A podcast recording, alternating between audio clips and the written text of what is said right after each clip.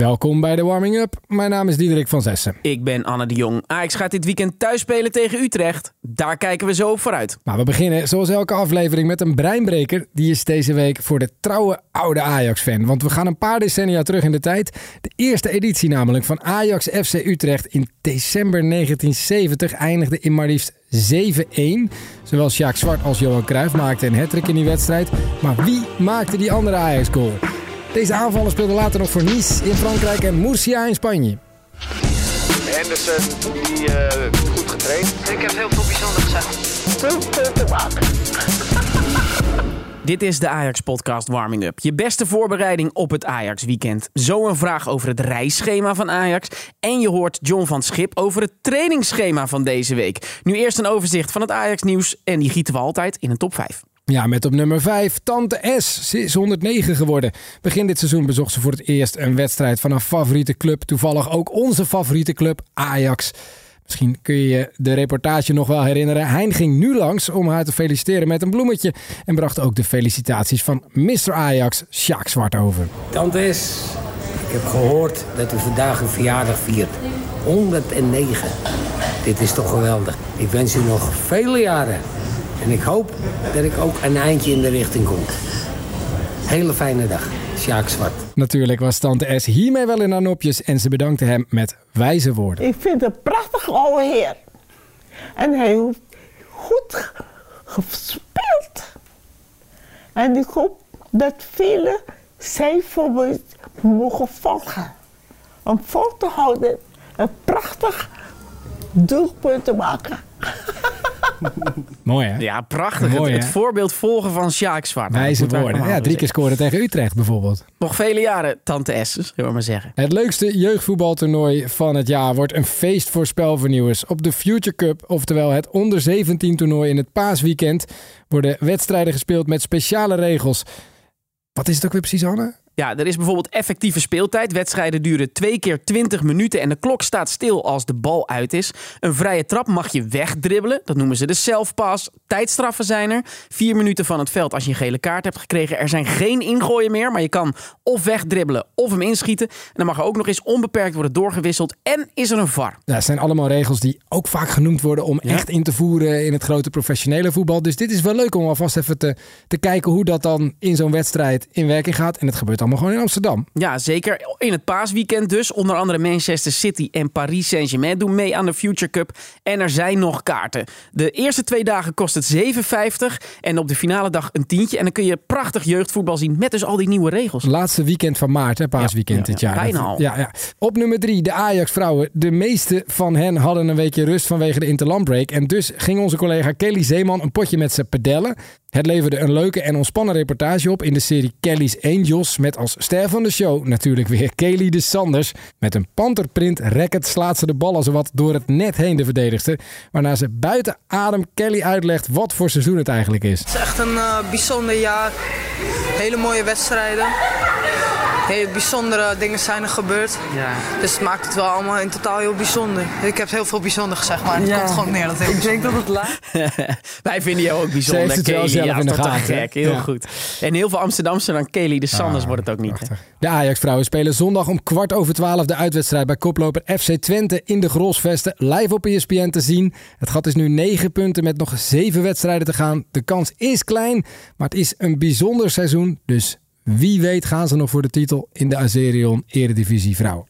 Nummer 2 in onze top 5 is iets voor in je agenda. De wedstrijd Ajax Excelsior is een paar dagen naar voren gehaald. Ajax speelt de wedstrijd niet op 28 april, maar juist op woensdag 24 april om 9 uur 's avonds. In die dagen is er namelijk een lange periode zonder wedstrijden voor Ajax 1. En het geeft ook nog ruimte om de eventuele halve finale van de Women's Champions League in de arena te kunnen spelen. Als de Ajax-vrouwen de kwartfinale winnen van Chelsea, dan kun je 28 april toch nog in je agenda laten staan. En dan op één, dat kan niet anders. Simon Tahamata heeft Ajax deze week verlaten.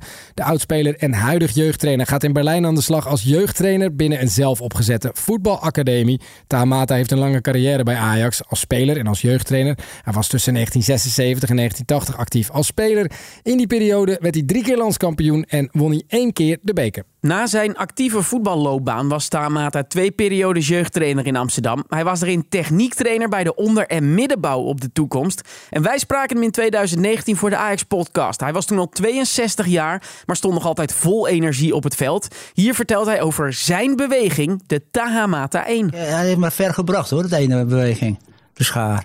En het hoeft niet altijd... eh, Kijk, als je één tegen één gaat, moet je eh, zo snel mogelijk je tegenstander passeren. En niet altijd, ja, ik heb het geluk gehad dat ik, ik ben van nature ben ik rechts.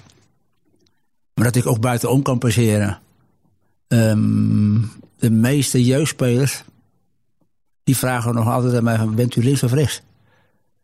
Ja, ehm, ja dat weet Maar ik nog, niet. nog, dat weet hij gewoon nog steeds niet. Op Of die leeftijd, was, of hij ja. dat is fantastisch. Een echte cultuurbewaker heeft Ajax verlaten, ook opgeleid op de toekomst. Het hele interview kun je horen in aflevering 10 van de officiële Ajax-podcast, als je het nog eens terug wil luisteren.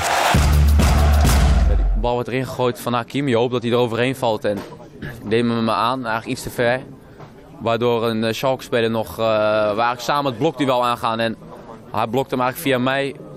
Zo gaat hij er eigenlijk in. En, uh, hij was gelukkig net één stapje eerder dat hij tegen mij aan uh, blokte. Ja, dan, dan, dan gaat hij erin en dan is er zoveel uh, ontlading. En dan is het gewoon uh, tegen elkaar. Ik wist niet eens hoe lang het nog was, maar gewoon van... We mogen dit niet meer weggeven nu, nu we echt heel dichtbij zijn.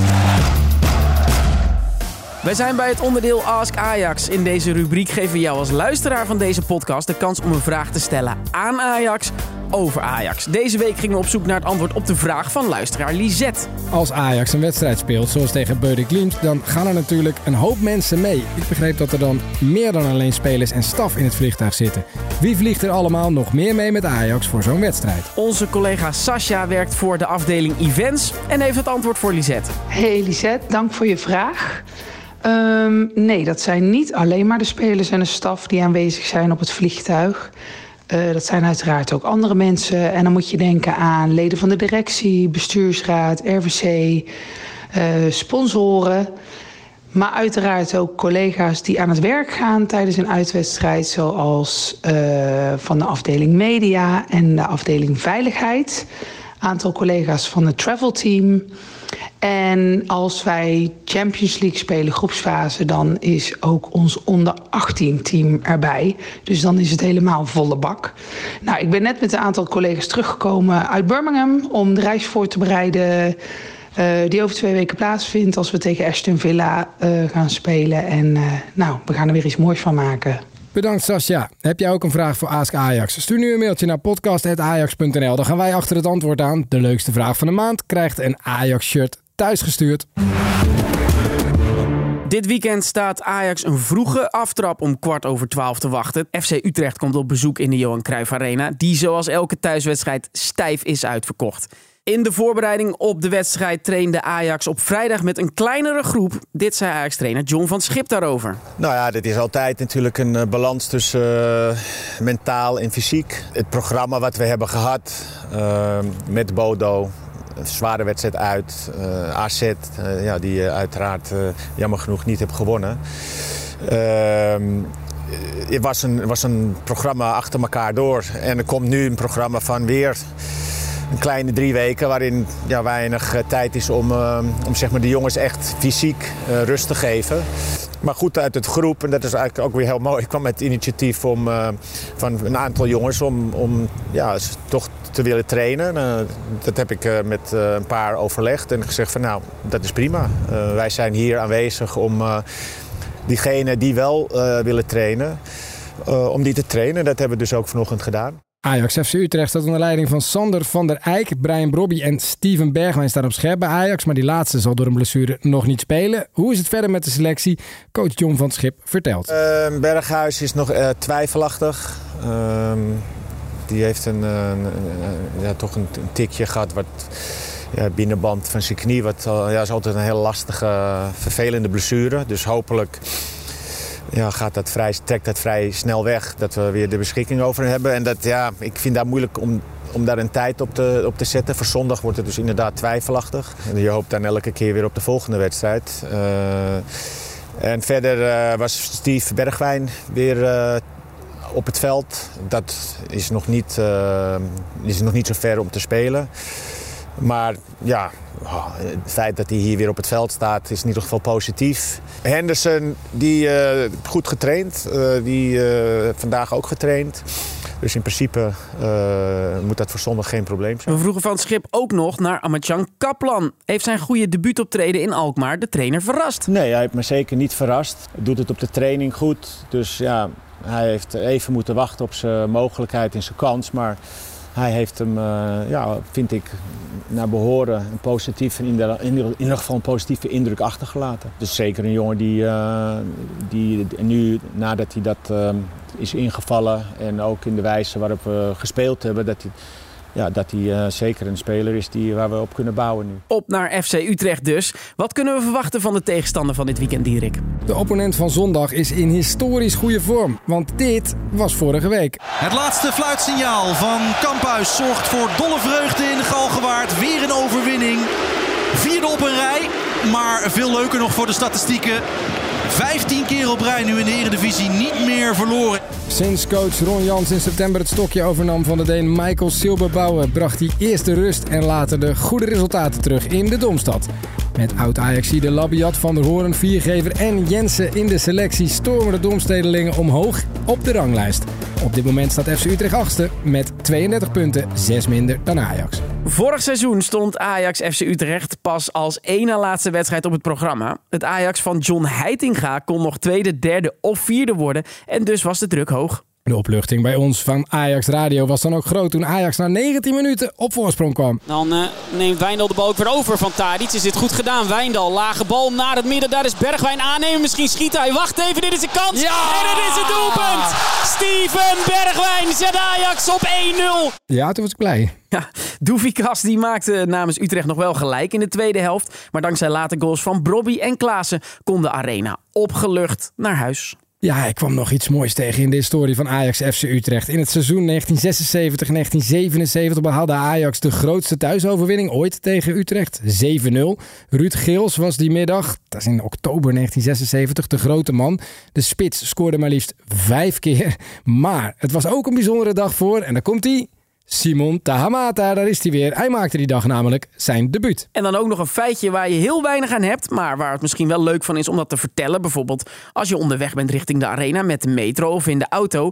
John van Schip, die was ooit de opvolger van Ron Jans. Dat was in 2017. Toen nam Van Schip het stokje over als trainer van PEC Zwolle. Jans nam na vier seizoenen afscheid van die Zwolle. Dus. En nu staat hij dus zondag tegenover, tegenover elkaar. in de arena. Goed dat je ook deze week weer de Ajax-podcast hebt opgezet. Vergeet je niet te abonneren in je favoriete podcast-app. Luister via Spotify kun je ook in de Q&A reageren. En geef ons ook meteen even 5 sterren.